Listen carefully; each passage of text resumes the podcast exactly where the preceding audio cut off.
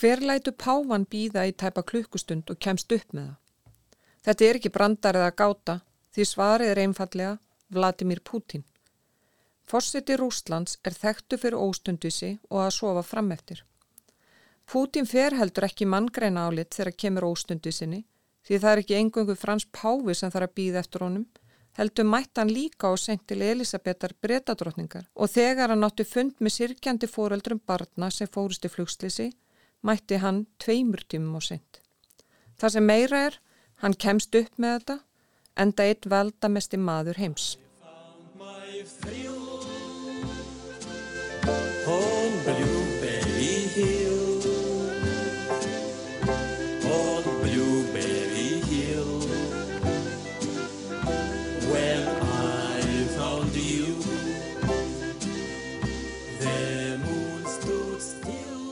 Hvert stefnir fósetti Rúslands og stendur heiminum ógnavon? Þetta eru spurningar sem koma upp í huga margra um þessa myndir. Stjórnmálafólk svera sér tengsliðan og byrst afsökunar á að hafa verið bláeitt þegar það mærðan fyrir stjórnkensku. Fósetti sem virðist ekki aðeins vera með framtíð eigin þjóðar í höndunum heldur einnig nágrannana í vestri og söðvestri Úkræðinu.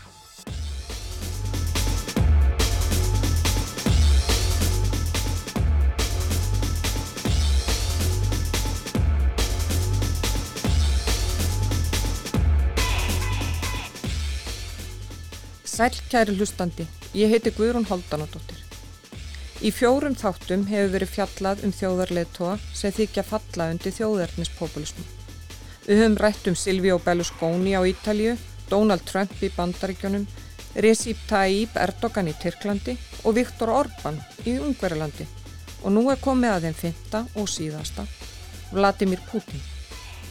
Eiríkur Bergmann, profesor í stjórnmálafræði, segir að Pútin sé þjóðverðnispopulisti líkt og fjölaðar hans í fyrirtaktum.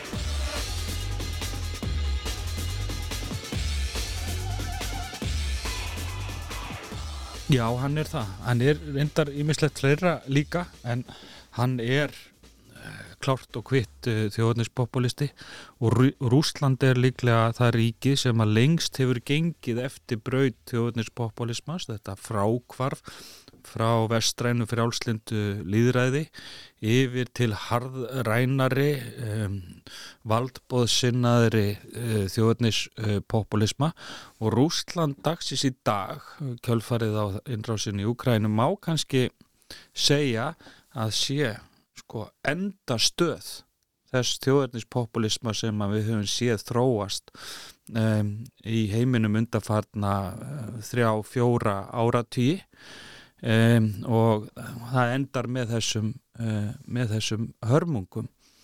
Um, og þar er það aftur þessi hugmynd um að uh, endurreisa eitthvað fallið uh, heimsveldi Eh, endur reysa dýrðardaga uh, rúsa og hann heldur langar ræður um hvernig erlendir aðilar hafi haft lönd af Rúslandi svipað og Viktor Orbán gerir í uh, Ungverjalandi.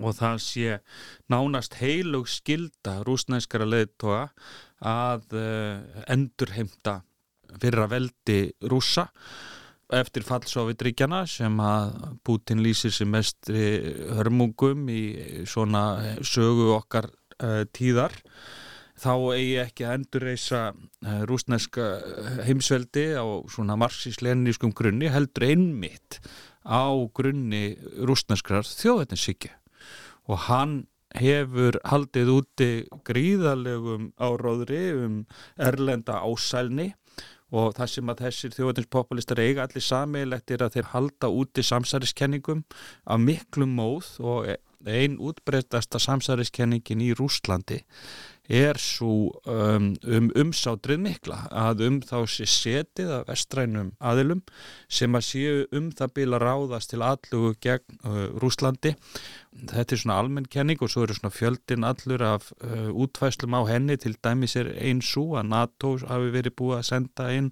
orðskipin í Eistrasalt til þess að ráðast á Pétursborg og það er þið upp af innrásarinnar, innrása NATO inn í, inn í Rúsland og það eru þetta engin fótur fyrir þessu. Og það er aftur þessi aðferð populistana að framkalla í hugum fólks utan að komandi ógn sem þeir hafa sjálfur búið til og framleitt og, og viðhaldið í umræðinu þannig úrverður uh, hugar heimur sem ekki byggir á staðrendum.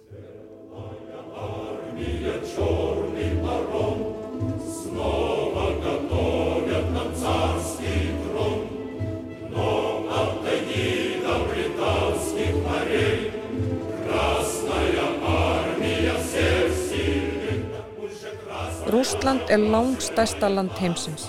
Það næstu því tvöfalt stærra en Kanada sem er næst í rauðinni. Íbúa Rústlands eru ríflega 140 miljónir talsins og landi nær yfir 11 tímabelti og það er mjög auðugt af náttúröðlundum. Innrásin í Úgrænu hefur breytt miklu í lífi rúsnesku þjóðarinnar undanfatna mánuði Því refsi aðgerið Vesturlanda eru margfalt viðtakari en þær hafa nokkru sinni verið í valda til Pútins. Efnahagur landsins er verulega laskaður og áhrifin lág látt út fyrir landsteinana því heimsmarkasverð á matvælum og ráveru hefur rókið upp vegna stríðsins. Meðal annars hefur verð á kortni hækkað um 20% frá áramótum. Frangatastjóri saminuði þjóðana, Antonio Guterres, benti á það nýverið að ástandi væri slæmt núna en ef stríðið drakst enn frekar á langin megi búast við því að 1,6 miljardur jarðabúa búi við skort sem er meira en þreföldun á stuttun tíma. Af þeim eru 250 miljónir á barmi hungusneðar. Hvort þar breyti einhverju að rússar hafi færi ránshendi um kortgeimslur Úkrænu og reynda að koma því í verð á þurkasvæðum Afriku á eftir að koma í ljós.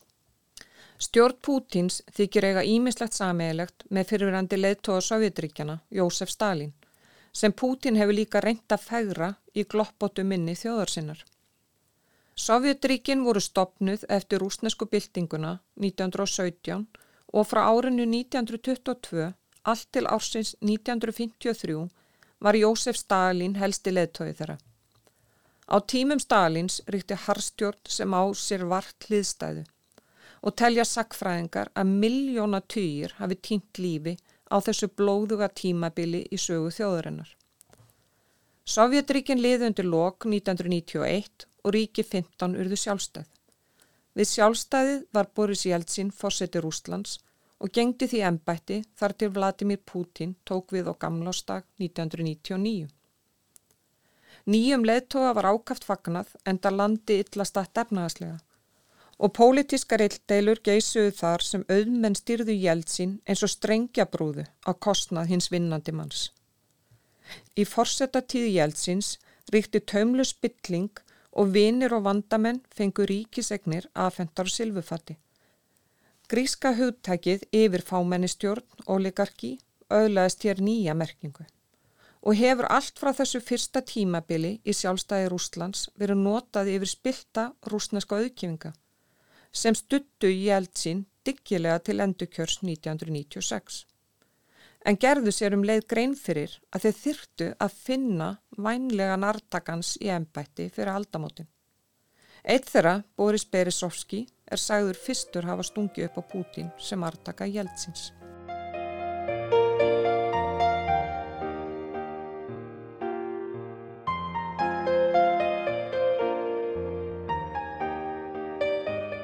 Vladimir Putin fætti 7. oktober 1952 í Leningrad sem heitir nú Pétursborg og verður því 70 í ár. Putin er yngstur þryggja bræðra en bræður hans letust báður í barnæsku. Sá yngri svalt í hel. Þegar að nazistar sátu um Leningrad í 872 daga í setni heimstyrjöldinni eða föðurlandsstríðinu eins og russakallana Hann kvílir í fjöldagröf líkt á 470.000 aðri borgarbúar. Pútin hefur sagt frá því að móður hans Marja hafi verið svo máttfærin á hungri að hún hafi verið úrskurður látin þráttur að vera enn á lífi. Vladimir fadir hans særðist í stríðinu og glýmdi við eftirkostin þar sem eftirliði æfinar. Fimm af sex föðubræðurum Pútins létust í stríðinu og mörg ættmenni móður hans einnig. Eins og Eirikur talaði um hér áðan, þá vísa Pútin oft til utan að koma til oknar og það er hlutverk Pútins sem hinn sterkar leðtúa að verja þjóðsina. Svona eins og Stalin varði þjóðsina gegn herjum þjóðverja og hafða lóku betur hvað sem það kostum.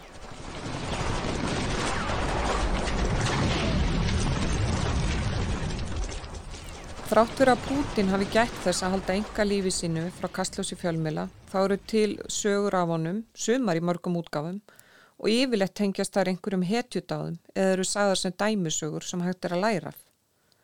Rottusagan er einn þeirra sem hann hefur ekki þakka niður en þegar Pútin var alast upp bjóð hann á samt foreldru sínum í lítilli blokkaríbúð á fymtu hæð þar sem kvorki var klósett nýja heitrænandi vatn ekkert frekar enn í öðrum blokkum í þessu útkverfi Leningrad á þessum tíma. Pútín var líkt og flestum meinill af við róttur og fyrstu árin reyndan að forða sér undan þeim á hlaupum en ákvað svo að láta hartmæta hörðu og hrækti stóra rótt út í horn. Inni króið ákvað róttan að snúast í varnar og réðst á hann þannig að Pútín varða að forða sér undan henni. Hann létt sér þetta kenningu verða og hefur haft það að leiðaljósi alla tíð að vera ávalt viðbúin að taka móti og berjast, svona eins og Rottangeri. Ímislegt annað er talið hafa móta Pútín án þess þó að hægt sé að fullir það þarum, en dekkir gefið upp um sannleikskort þeirra frásagna sem til eru af strákapörum hans í batnæsku. En það Pútín fámall um enga líf sitt og segir kannski einfallega söguna eins og honum þykir henda í ímynd sinni best.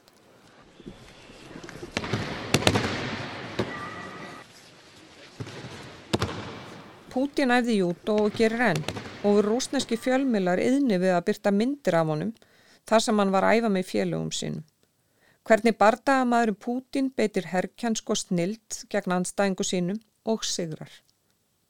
Að vísu hefur alþjóða jútarsambandi sviftansvartabeltinu vegna Ukrænustriðsins en Pútin lætur slíkt ekki stöða sig og gæti þess væntanlega að þegnar hans fá ekki frettir af því í fjölmilum. Því líkt og fleiri valdbósinnar populista leðtóðar hefur Pútin gettið styggilega að svifta fjölmila frelsi eins og hann mögulega getur. Í fyrra var rúsneski rítstjórin Dimitri Muratov annar handhafa friðaverluna Nobels. Muratov er eitt stopnenda dagblasins Novaya Gazeta eða nýja dagblasins og er bladið eitt örf fara rúsneska fjölmila sem ekki fylgir línunni frá Kreml í einu og öllu. Múratov hefur þurft að þóla ofsóknir vegna starfa sinna árum saman og gerir enn. Múratov segir að falsfrettir og upplýsingafölsun sé vaksandi okn í Rúslandi og víðar. Hann bendi réttilega á við móttöku Nobels velunana í desember að afvega leiðsla og blekking leiði til stríðsátaka og sannleikurinn hafi glata gildi sínu í hugum fólks. Að fólk séu uppteknar af eigin hugmyndum fremur en staðreindum eitthvað sem er kjörlendi populista til að þrýfast og dafna. Eina af afleðingu strísis í Úkrænu er svo að blaðið sem var stopnað fyrir tæpum 30 árum er hægt að koma út á prenti í Rúslandi. Ástæðin er viðvörun, ekki að einn, heldur tvær, frá opiberi eftirlitstopnum með fjölmjölum. Blaðið er nú prentað í Lettlandi og dreift annar staðar enn í heimalandinu til að forða stríðskoðun. Muratov seldi í sumar Nobelsverlunagripin á 13 miljardar króna á uppbúði. Peningarnir renna til barna sem hafa orðið að flýja heimili sín vegna stríðsins. Ein af æsku minningu Pútins, sem hann er sennilega sáttur við, miða við hversu þekkt hún er, tengist því hvern hann ákvaða að ganga til liðs við sovjaskuleinu þjónustuna og verða njóstnari. Á það að hafa verið vegna áhrifa frá James Bond þeirra í Östuvegi. Þegar Pútín bankaði upp á hjá KGB var honum sagt að í fyrsta lagi væri hann ofungur, öðru lagi þá bara mætti fólk bara ekki til þeirra og sagt um og í þriðja lagi þá yrðan að afla sér frekar í mentunar. Pútín hlíti og lærði lögfræði við háskólan í Leningrad. Meðal kennara hans þar var Anatóli Sobchak sem átti eftir að hafa mikil áhrif á framtíð Pútins. Að námi loknu hóð Pútin störf hjá KGB og syndi þar ímsum mjög spennandi störfum næstu 16 árin. Þar á meðal var hann í fimm ár í austuþísku borginni Dresden. Með í för var eiginkona hans Lútmíla og eldri dótti þeirra Marja. Þau egnuðu síðan yngri dóttu sína, Katarínu, í Dresden.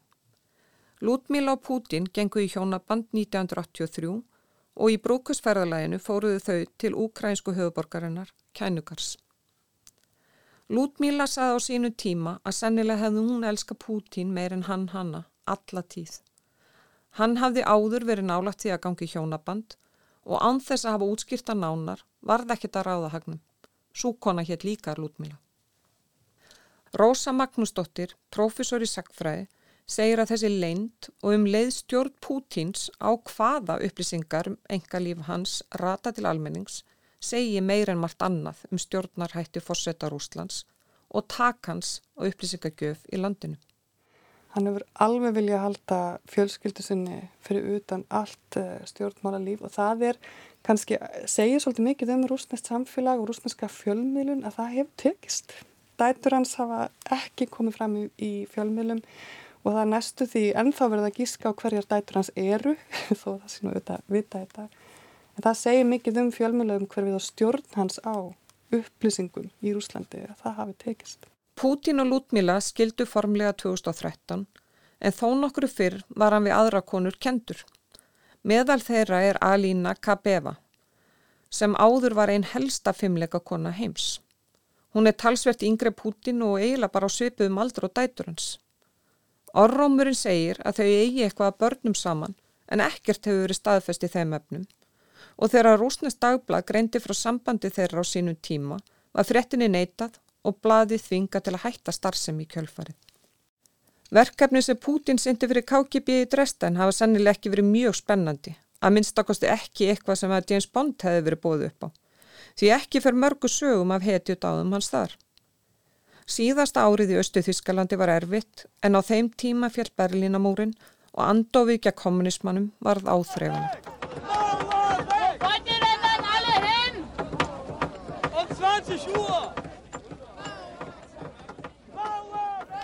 Í desember 1999 gerði múgurinn áhlaup á höfustöðar Östu-Þísku leinu þjónustunar, Stasi, í Dresden og þaðan fór hópurinn að skrifstöðu KGB í borginni. Pútin var þar á samt fleiri KGB-mönnum og báði þeir um aðstórauða hersins. Því miður var svarið sem KGB-menninni fengu. Við getum ekkert aðhafst án staðfestinga frá Moskvu og ekkert svar barst þaðan. Þögn Moskvu var ærandi í huga Pútins og á sama tíma gerðan sig grein fyrir hversu lítið þar til þess allt snúist á kvolv.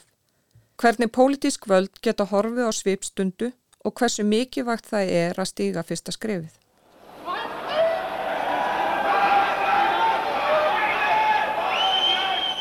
Vonbriði Pútins með KGB voru augljós á þessum tíma enda átti skjálavasla og símhleranir fátt sameigilegt með æsi spennandi lífi njósnara. Launin voru heldur ekkert til að hrópa hurra fyrir og það eina sem fjölskyldan var með í farteskinu þegar þau fóru heim árið 1990 var 20 ára komið þvottavél sem þau höfðu fengið að gjöf frá vinnum. Heima hafði margt breyst undir stjórn Mikael Skorbatsjóf og ljósta Sovjetríkin voru að líðast í sundur.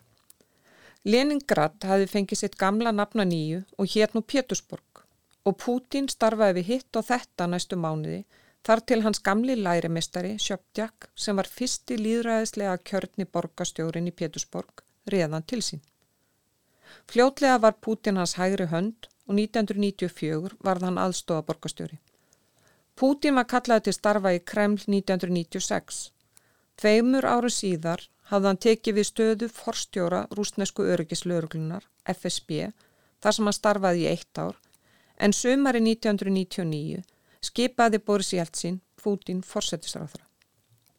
Jeltsin var þarna orðin mjög óvinnsæl meðal rúsnesku þjóðurinnar og ekki nóg með það, hann var fár veikur af drikkjusíki sem litaði mjög störfans.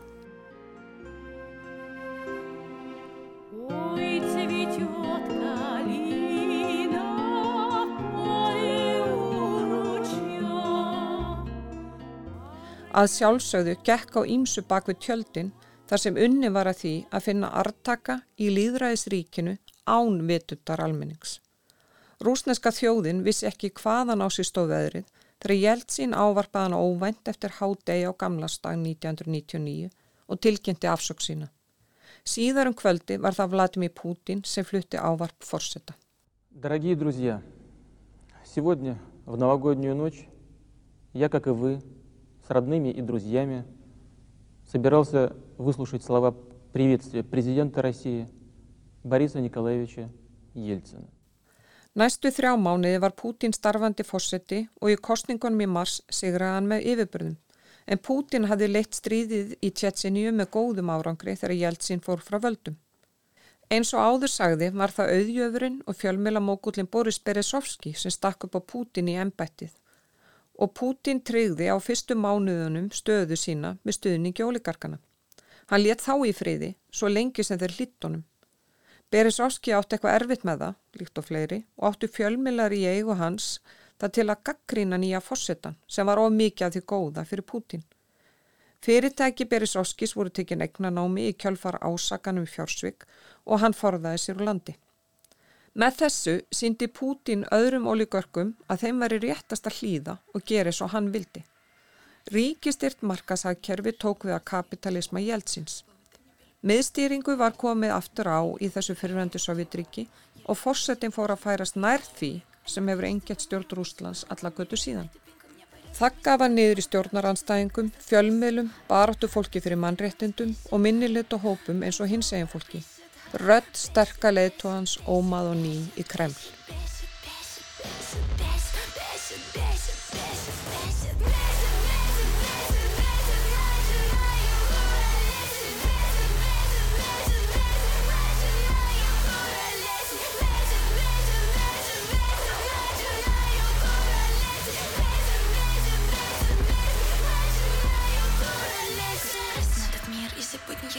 Полушария болит Я сегодня инвалид, я сегодня третий мир Я сегодня суицид, я сегодня третий Рим Я сегодня господин Черную снежную кашу мешаю Флуоксетин меня раздражает Опять я у льда под ботинком До мая Москва, Мека, Сибирь, Синай. Ветер, ветер, ветер, ветер, начинаю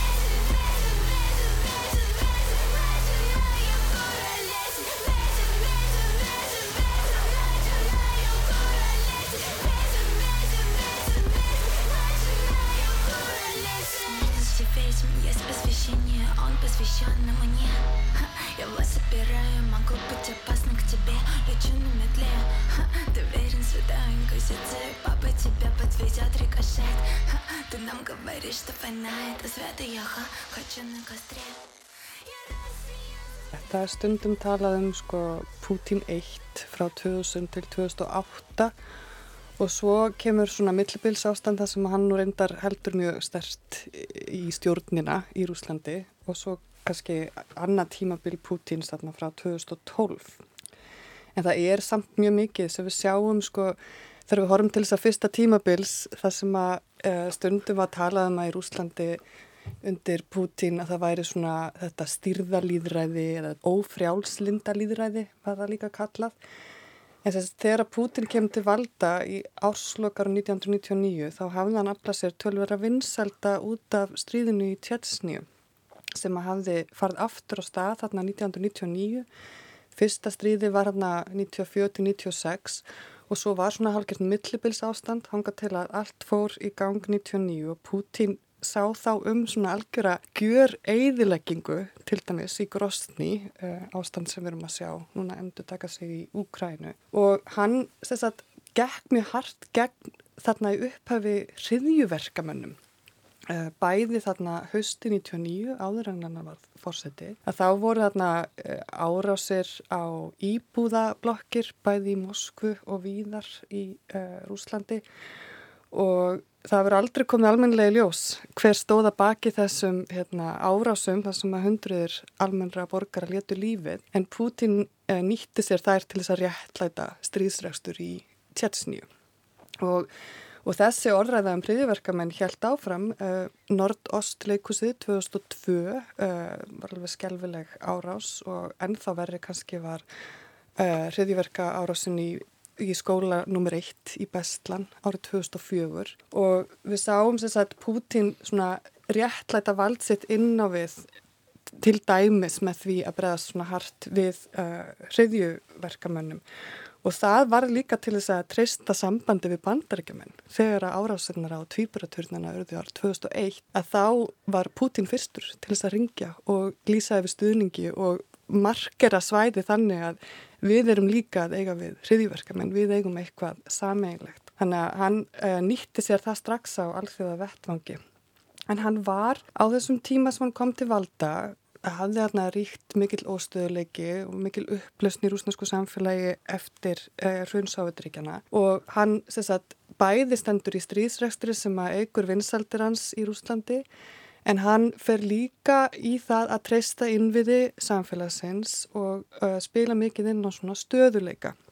Þannig að þarna í fyrsta skipti mörg ári er farið að borga eftirlaun, lífveiri og ríkistarsmenn fá launin sín borguð á réttum tíma þannig að hann næra skapa svona ákveðna millistjætt á sama tíma fer líka hérna, ójöfnur að aukast mjög mikið í Rúslandi en þess að hann spila mjög mikið inn á þessa, þessa stöðuleika orðræðu. En stöðuleikin sem að Putin svo er að íta undir, hann var mjög dýru verði keftur, hann hérna bæði er hérna í stríði í er að hugsa um sér hefðiverk en, en hann þess að grefur undan líðræðistofnunum í Rúslandi fer markvist að draga ár frelsi fjölmiðla og það er alveg strax á þessu fyrsta tímabili Pútins líka. Og hann mingar sjálfstæði ríkistjóra í þessu gríðar stóra landi sem að Rúslandi er og, og uh, fer markvist að ráðast líka gegn borgarlegu samfélagi. Og þetta sjáum við allt þarna á þessu fyrsta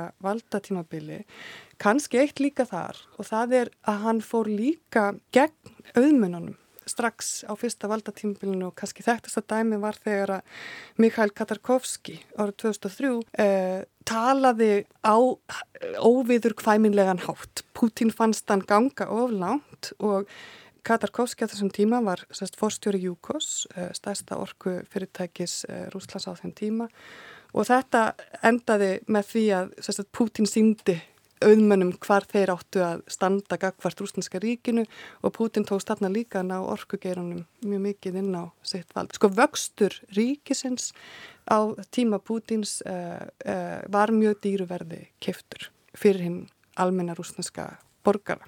Eins og Rósa segir þá hefur Putin notið gríðarlegra vinsalda meðal kjósenda og fengið alltaf 90% atkvæði kostningum.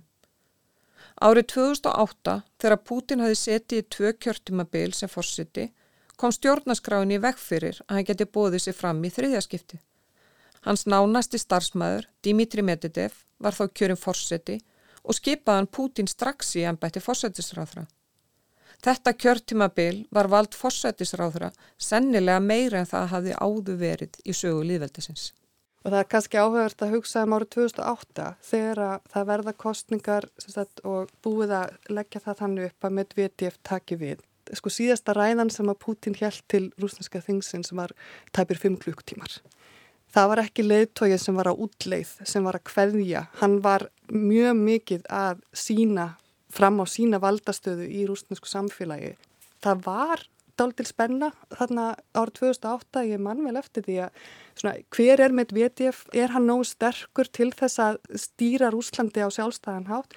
En það kom mjög fljótlega í ljós að svo var ekki. Til dæmis hérna sjálfstæðasífylsingin í Kosovo þar sem að serbar og, rúss, og rússar auðvitað mótmæltu þeirri sjálfstæðasífylsingu mjög harkalega. Og þá kom strax svolítið í ljós að mér bara, uh, hann var ekki með eina sjálfstæða utaríki stefnu Uh, og var ekki að fara að ganga neitt á móti Putin og svo auðvitað setna árið 2008 þegar rúsa ríðastunni Georgiu að þá eru margir sem að einmitt halda því fram að sko því stríði lauk með því að uh, rúsa lýsa yfir sjálfstæði hér að hana, Abkhazju og Suður Ossetju og e, það hefur engar afleðingar í alþjóða samfélaginu þannig að það er sumi sem halda því fram að þarna hafi svolítið runnið fyrir Putin ljós að ég get bara gert það sem er sínst. Það hefur engar afleðingar í alþjóða samskiptum. Jón Ólafsson, profesor við Háskóla Íslands, tekur í sama streng og rosa og segir í grein á vísindavefnum að til ásins 2008 hafi Pútin sóst eftir samstarfi við einstaklinga með fjölbreyttan pólitiska bakgrunn og leitaðist við að halda vandasömu jafnvægi á milli íhaldsamra abla annarsvegar og frjálslindra hinsvegar. Á meðan hann gengdi ennbætti fórsættisráðra mátti þó greina hægfara við á spreytingu sem kom glögglega í ljós eftir hann hafi tekið að nýju við fórsætta ennbætti voru 2012. Og svo þegar Putin kom tilbaka árið 2012 þá hann, var hann ekki eins vel tekið og hann hafi kannski vonast til og það urðu gríðarlega mikil mótmæli og e, óerðalögurglu var beitt gegn mótmælendum e, í Rúslandi og þetta voru stærstu uppþót sem komast sem hefði orðið á valdatíma Pútins. Þannig að húnum var nú brugðið. Það var alveg greinlegt að húnum, húnum brá að sjá að húnum var ekki tekið fagnandi eins og hann hafi örgla vonast til þegar hann kom tilbaka. Og hann fór mjög bratt í að ganga núna gegn borgarlegu samfélagi. Árasur á fjölmiðla heldu áfram að því vorum að tala um uh, stríði í tjetsnu hérna áðan að þá var auðvitað búið að vera myrða rúsneska bladamenn sem hefðu gaggrind Pútín eða gaggrind stríðsreksturinn í tjetsnju áður. Frægasta dæmið er morðið á Önnu Polikovskaju sem var heimlega myrt á afmælistegi Pútíns. Margir sem halda því fram að það hef ekki verið neym tilviljun. Og þetta held allt saman áfram. Þannig að við erum búin að sjá sagt, á síðustu tíu árum að þá hefum við séð rúsneska fjölmiðla verða meir og meira háðir ríkinu. Það er í rauninni hver ár síðan að við gátum talað um alvarlega sjálfstæða fjölmjölinn í Rúslandi. Við horfum mikið á það var einn útvarstöð, Echo Moskví, það var lítil sjónvarstöð, uh, Dorst eða Regn eins og hún kvartlis sem sendi nú aðla út á netinu en uh, nær allir stórir fjölmjölar voru háðir ríkinu og ekki bara um fjármagn heldur líka var alvöru reytskoðun í gangi, mikil stjórnun á því hvaða upplýsingar máttu ná til rúsnesks almennings. Það er kannski ekki erfitt að fá yfirbörða kostningu þegar þú stýrir landi eins og þú eigir það með húð og hári. Pútin ítti undir þjóðverðnis vitund landsmanna, benti á að Vesturland væri að reyna að grafa undan þessu mikla heimsveldi og anstæðingar hans heimafyrir væri þeirra handbendi. Evrópussambandið og NATO færi fremst í flokki þeirra sem vildu fella heimsveldið í austri og líðræðið fælist í að gera svo Pútin teldi réttast fyrir þjóðuna. Aðeins þannig myndi henni farnast vel. Í 22 ára valda til Pútins hefur Rúsland ítrekkað átt aðvilda stríðsregstri líkt og Rósa kom inn á. Önnu ríki hafa mótmælt og jafnveg tekið þátt í refsi aðgerðum án þess að kannski að mikil alvara væri þar að baki. Að minnstakosti eru áhrifin ekki mikil á Rúsland. Þar sem Pútin hefur lagt í landvinninga hefur anstaðan snarlega verið brotin á bakaftur til að mynda á krímskaða. Jafnveg þegar rússar sendu hersveiti til Sýrlands þar sem þær börðust við hlið stjórnarhersins komst Pútin upp með það. Önnu ríki muldruðu eitthvað í mótmælaskinni en réttlættu það að sita hljóð hjá með því að rússar væri að berjast gegn íslamskum öfgasamtökum sem er nú ekki alveg sannleikanu samkvæmt ef markam á frásagni sílendinga sjálfra. Öll þessi stríðsátök hafðu í raun lítil áhrif og stöðu Rúslands því þrátt fyrir mótmæli var anstaðan lítil. Kanski var það eitthvað sem Putin bjóst við að erði líka þegar hann sendi herin inn í Úkrænu 24. februar 2022. Rósa segir að ímislegt bendi til þess að Putin hafi misreknað við bröð vestusins við innrásinni og það hvernig vestra ríki hafa saminast í baráttunni gegn rúsum. Hún segir að það hafi komið Pútin á óvart og þetta hafi ekki verið þau viðbröð sem hann átti vona. Að innrásin yrði til þess að styrkja stöðu ESB og NATO. En það hafi enginn verið að hugsa um aðvild Svíþjóðar og Finnlands að NATO í byrjun ás. Eitthvað sem er að verða að veruleika á sama tíma og Úkræna hefur sótt um aðvild að ESB. Leðtóðar sem eru liðhalli Pútin hafa einangrast, svo sem Erdogan í Tyrklandi innan NATO og Orban leiðtói Ungverðarlands innan viðbanda ESB. Samsæriskenningar eru eitt af verkverðum populista og þær hefur Púti svo sannarlega nýtt sér. Utan að koma til ógnir steðja á Rúslandi og það sé skildans að brjóta á baka aftur mótmæli heima fyrir. Að koma í vekk fyrir að menn sem séu handbendi vestuveldana náu sér á streki innlendur umbræð. Pútin hefur þannig sett sig í hlutverk sterkamannsins sem vendar þjóðina gegn erlendur ógn og í Úkrænu er hann að venda þjóðuna fyrir stjórn nazista. Þetta er í takt við skoðum Pútins um að hrun Sovjetríkjana hafi verið harmleikur og að Rúsland eigi endurheimta áhrif og vægi Sovjetríkjana að verða stórveldið í austri. Rósa segir að í ræðu sem Pútin flutti skömmu fyrir einrásina hafa hann misnotað og afbaka söguna eftir eigin höfði. Það hafi hann svo sem alltaf gert en hann gangi sífelt lengra með söguskýringum sem eigi sér enga stóð í raunveruleikanum.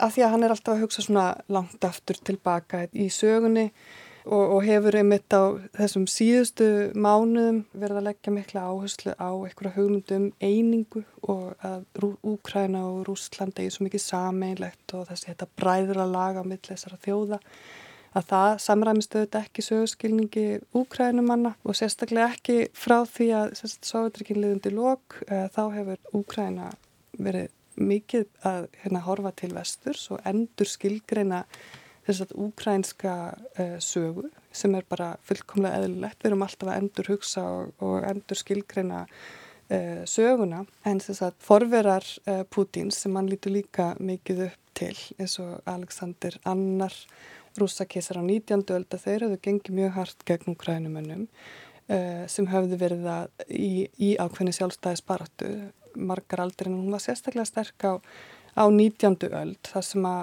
var, hérna, það var mikil gróska til dæmis í útgáðu í Úkrænu, fjölmörg dagblöð og tímaritt sem voru gefin út á úkrænsku og fjölluð um úkrænska sögu og þetta var auðvitað allt saman hérna bælt og keisarinn eh, til svo kallari rúsavæðingu á úkrænumenn til þess að draga úr sagt, hugmyndum um sjálfstæði og hugmyndum um að það væri eitthvað sem að skildi þá að frá rúsum sem þetta voru ráðandi í þessu heimsveldi. Sögu sín Pútins hefur verið fordæmda sagtfræðingum um allan heim en það stendur ekki stittni við steini í málflutningum. Það skipti bara einfallega engum máli í huga Pútins því að hans mati á rúsnest heimsveldi að vera ráðandi í Östur-Európu.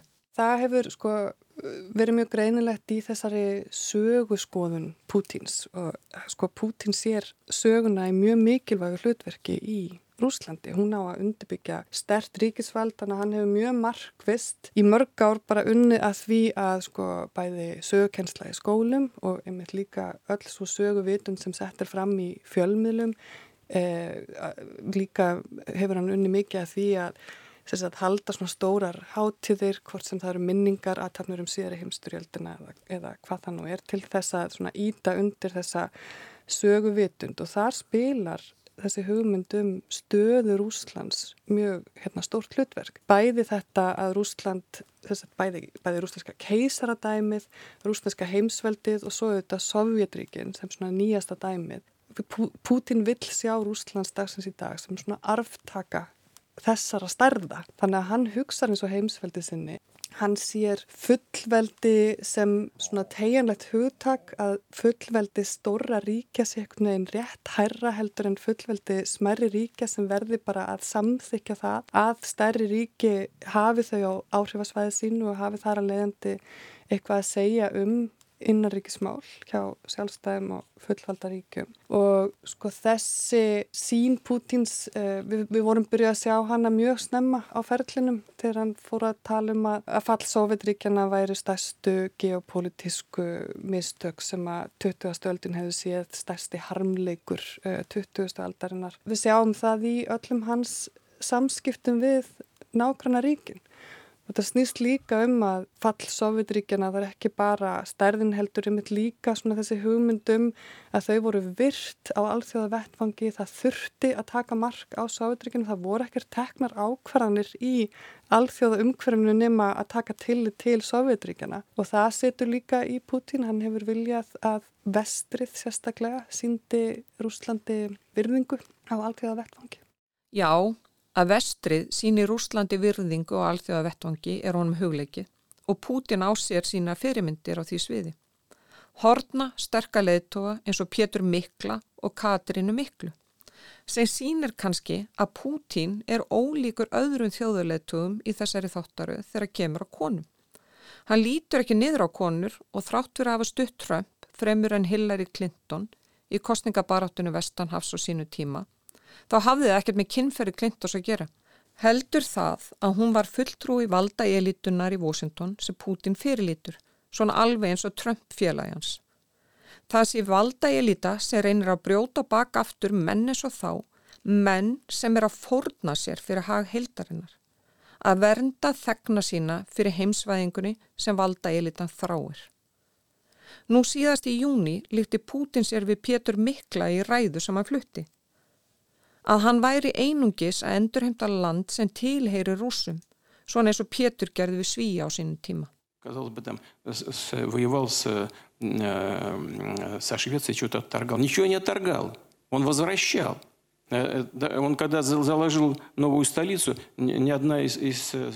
Og þegar Krímskægin var innlimaður 2014 vísaði Pútindi Katrinar og landvinninga hennar og þeim slóðum. Þannig að þessi svona útbreyðslu stefna, hún hefur alltaf verið hluti af uh, rúsnaskri sögu og sko það má samt ekki ruggla kannski útbreyðslu stefnu við, saman við að rúsnast rík hafa alltaf verið stert. Það stundum tala um dum að Rúsland hafi á mjög löngum tímabölum verið veikt stert ríki En, en Putin, hann, hann sér þetta nákvæmlega sest, í sama ljósi og sérstaklega svona stórveldistíð eins og tími Katrina Miklu og, og, og Pétus Mikla. Í huga Pútins er því mikilvægt að færa Rúsland á þann stall sem það á skilið.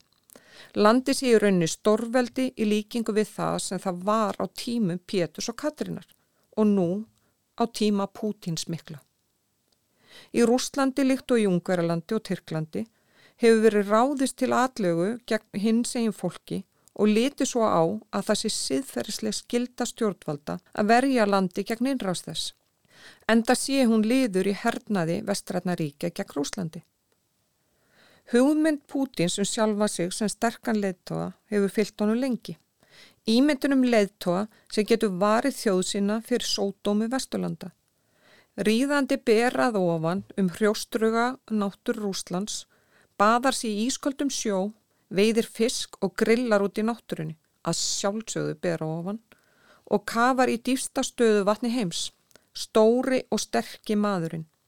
Að vísu verður að hafa þann fyrirvar á að hér er ekki verið að vísa til hæðar Pútins því hann er lágvaksinn, 168 cm að hæð, en hann stendur keikur frammi fyrir hvaða okk sem er og stendur alltaf uppi sem sigurvegari. Upplýsinga óreiðan í sinni fegurstu mynd ef hægt er að taka svo til orða. Því hver mann ekki eftir myndum af honum í návíi við tíkristýri útrymmingahættu. Þar sem Pútin bjargar sjómasfólki frá árás tíkristýrsins með því að skjóta dýri með deyfipilu. Þetta var að mista okkurst í sagan sem var sögði í laungu máli í rúsneska ríkisjóvarpinu 2008. En svo voru það einhverju óþólandi anstæðingar hans sem lögðust í rannsóknir og komist að því að tíkristýri drafst vegna þess að það var skotið ítrekka með deyfilifi til að halda í rólegu á meðan að beði var eftir að Púti leti sjá sig. Þar sem Púti var trúrhæðinni og mætti allt og seint þá var tíkristýrið sem var tekið úr dýragarði verði meðvutunda lítið þegar Púti let mynda sig við að setja staðsendingatæki um hálstess og kistið að bless. Dægin eftir var blessað dýri dögt en það komst aldrei í fréttir ekkert frekar en það að það hefði komið út dýragarði. Pútin á sama hátt og hann vil sína heiminum að Rúsland er þetta sterka uh, land að þá hefur hann einmitt viljað sína fram á að hann er einhvers konar ímynd, ímynd kallmennsku sem að kannski höfðar til ákveðins hóps. Um, það, það er eiginlega ekki hægt að hugsa um þessa kallmennsku ímynd núna ánþeð svolítið að hugsa um hvernig rúslandski herin er að haga sér í Úkrænu. Rauði herin eftir síðari heimströld rupplaði á rændu og naukaði og, og það var alveg skelvilegt og sko ekki langt síðan í rauninni var að byrja bara að tala um það. Það var svo ræðilegt og hafði svo, það var svo mikið tráma, svo mikið sár á bara Európu þjóðum sérstaklega þá kannski í Þískalandi sem að þeir uh, gengur berserskang. En það verðum að sjá alveg nákvæmlega sömu hegðun hjá rúsneska hernum í dag og af því að við veitum svo lítið um boðleiðir hversu mikið veit Pútin um hvað er í gangi á, hérna, í Úkrænu, hversu mikið er verið að segja honum og, og er þess að skipanir að koma frá honum en það er greinlega einhver svona kallmennsku, einhver eitru kallmennska svo vægt sér til orðatökið sem á sér staðan. Eins og staðan er nú er vonlust að segja til um hvernig stríðun í Úkrænu lyktar. Og ekki heldur hversu lengi Pútin verður við völd. Aðeins bandamaður hans í austri, Aleksandr Lukashenko, fósetti Kvítaður Úslands, hefur setið lengur á fósettastóli í Evrópu. Þeir hafa líka farið svipaða leiðir heimaferir. Broti á baka aftur mótmæli og tilraunum þeirra sem ekki er á þeirra bandi við að hafa afskipt á stjórnmálum er svarað með mikillu hörku. Ekki einungis með því að stjórnmálasamtök séu skilgreins í vígarsamtök heldur eru forsvarsmenn þeirra í bráðri lífsættu. Rúsneski stjórnaranstæðingurinn Alexei Navalny sem Putin nefnir aldrei á nafn segir bara þessi maður slapp nömlega frá banatilræði fyrir tveimur árum og óvíst hvort hann lifir af fangelsisvistina núna. Dölafull veikindi, aftökur og eitranir eru hlutskipti margra þeirra sem ekki hlýða valdbóði leðtóhans. Pútin hefur nú setið í ennbætti fórseta frá 2012 og hefði átt að láta ennbætti 2024 ef að stjórnarskráni hefði ekki verið breytt fyrir tveimur árum þannig hann getur nú setið til ársins 2036. Já, og hann er ekki án sjötur og við sjáum í raunin ekki artaka eins og staðinni núna. En eins og staðinni núna getur þetta allt gerst. Um, það er ekkert hægt að útiloka að það verði eitthvað skona valdarán og stríðið er ennþá í fullum gangi og alveg ómögulegt að segja hvað verður. Ef Pútin verður við völd til 2036 eða í 36 ár sem er lengri tím en Stalin styrði Sovjetregjónum þá verður hann á 84. aldursári þegar hann fer frá. Undafarin ár hafa byrst óstaðfesta fréttir af veikindum hans og jafnvel fullir dannmunin láta völdum innan farra mánuða. En eins og Rósa segir þá er ekkert hægt að fullir það um það á þessari stundu. Ekki heldur hvort hann takist að samfæra rúsa áfram um að hans er rétti maðurinn til að venda þjóðina fyrir utan að komandi ógn og vestri. Nú þegar líður að lokum þessara þáttaraðar með fimm sterka menn, fimm populíska stjórnmáluleðtóða, austanhafs og vestan, er ekki úr vegi að spyrja Eirik Bergmann hvort þessi fimm sterku leðtóðar sem er á marganhátt ólíkir eigi eitthvað sameiglegt. Já, sko, þjóðinnis populismin til umfyllunar, hann einkennist ja, af ýmsum þáttum og niðursóðið má kannski segja að þeir færi allir fram svona þrýþætta orðræðu sjálfum sér til stöðnings. Það er í fyrsta lægi að ala á óta gagvart einhvers konar utanaðkomandi ógn sem að stæði að samfélaginu, yllvirkjar að utan sem að ráði stað hennu góða innri hópi. Það getur til dæmis verið erlend hérna, innrásalið, uh, múslimar sem eru sendir uh, til Evrópu til þess að eiðilegja samfélagin eða nánast hvað sem er og svo í öðru lagi þá benda þér á innlenda elitu sem hafi svikið fólkið í hendurnar á uh, þessar utan að koma til hókn og það getur verið mísjáft eftir hvað í hverju landi fyrir sig og allir þessi menn hafa gerðu það áður en þeir sjálfur reysið til valdana eða í upphafi valda fyrilsins og svo í þriðja lagi þá stilla þeir sjálfum sér fram sem verndar hann og gegn hvoru tvekja þessari erlendu ógn sem að þeir hafa sjálfur búið til í hugum fólks og innlendu elitunni sem þarf að halda niðri til þess að verða uh, hópin.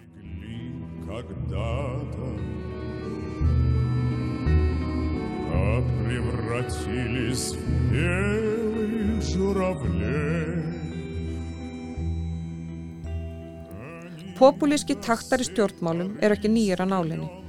Leðtóðar sem aðhyllast líkar aðferir, deila og drotna hafa alla þræði í höndum sér og nótfæra sér stopnanir innar ríkjana sem þeir stjórna til að heimil á og eftirlit með hver annari. Þeim er jafnframt mikilvægt að benda á sameigilega óvinni sem hægt er að líta hortnega og berjaskell.